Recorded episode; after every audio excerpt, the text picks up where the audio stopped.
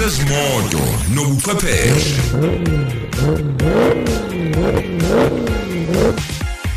Sikwamukele kolunye uhlelo futhi la ngolesine olukhuluma ngobuchwepheshe nezimoto. Igama usibonelo myeni sithemba ukuthi namhlanje sokunika ulwazi oluzokusiza ukuthi uma uthenga imoto noma unemoto noma nje ufuna ulwazi lwemboni nezimoto uzokwazi kangcono. Into esiyikhuluma namhlanje into ebizwa ngokuthi take over. Umkhuba le osumningi osuwenzekalayo lapho khona umuntu athi imoto iyangihlula ukuthi ngiyikhokhele bese efuna omunye umuntu ozoqhubeka ayikhokhele. Izinto nje engicela ukuthi ngikubhekise zona ukuthi uma ukuthi uyayifuna lento noma uyayenza uyikwazi ukuthi uyinakisise ngoba abantu baqala bevumelene beyiqala lento le kodwa phakathi naphakathi noma sekugcineni kugcine ngasazwana bese kuyaxatshana. Izinto nje engicela ukuthi uyibheka siqale la. Ngalesikhathi wena mnini wemoto uyithatha egarage usayina icontract nebhanki leyo contract leyo isho ukuthi wena iresponsibility yokuyikhokhela imoto ukuyinakekela nokukhokhela futhi umshwalense ihleli nawe. Uma usuyinika omunye umuntu imoto nge-take over leyo responsibility leyo isahleli kuwena nazi-ke into ey'jwayele ukuzenzeka umuntu ayithatha imoto ayinike lo wesibili owenza i-take over ahambe nayo umuntu. Ukhumbule kujwayeleke ukuthi lo muntu owuthatha imoto kwi-take over usuke mhlawumbe naye blacklisted okusho ukuthi vele irecord lakhe lokukhokha alilihle. Ahambe nemonto umuntu ihlala inyanga bese angabe sayikhokhela uma engasayikhokheli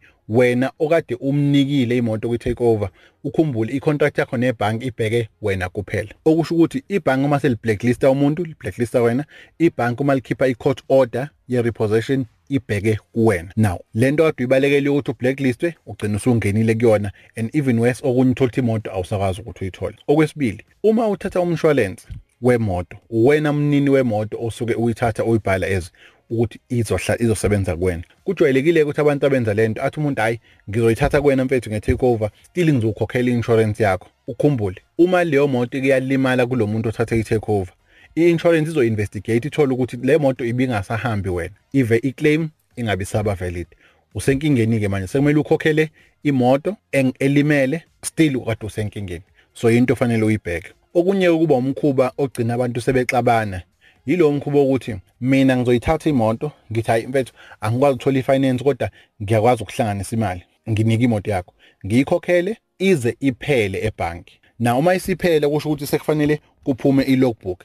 Bese umnini wayo umuntu aqala ukuthi ayi imoto yami ngiyifuna back sengiyakwazi ukuyikhokhela ngoba useyazi ukuthi sizophela wena uma uthi uya enkantolo noma uye emaphoyiseni uyofaka icala awukwazi ukwenza lokho ngoba yena one contract nebhanki elikhombisa ukuthi le moto ingeyakhe uma iqeda ukukhokhelwa. Usala wena usenkingeni kade uyikhokhela imoto sonke lesikhathi and akuseyona yakho. So izinto ekufanele nibheke okunye futhi bakwethu ukuze umuntu enze into ye take over uthola ukuthi njengoba ngisho ukuthi uba blacklisted le mali oyispendayo ulokhokhela omunye umuntu awubheke isikweletu sakho ukuthi ungakwazi into usikhokhela ngoba kule khathi zamanje amabhanga asekwazi ukuthi anike ama-discount amahle kakhulukazi kubantu aba-blacklisted.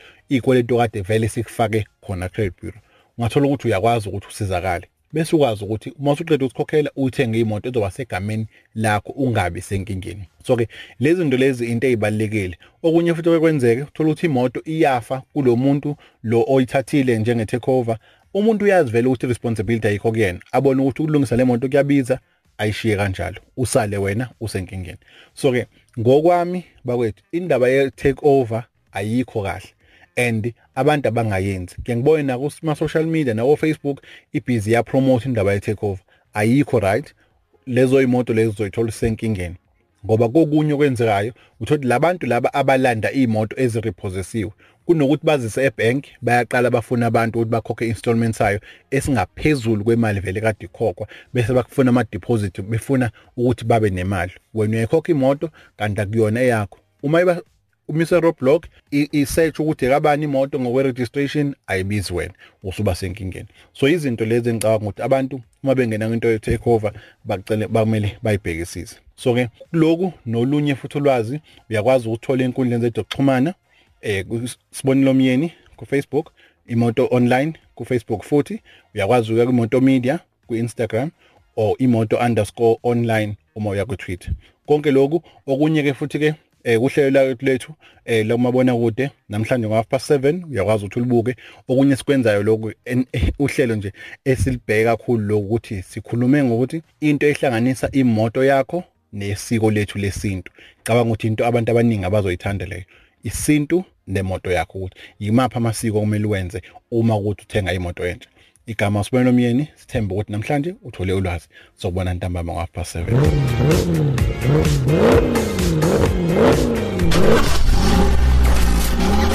ezezimoto nobuchwepheshe.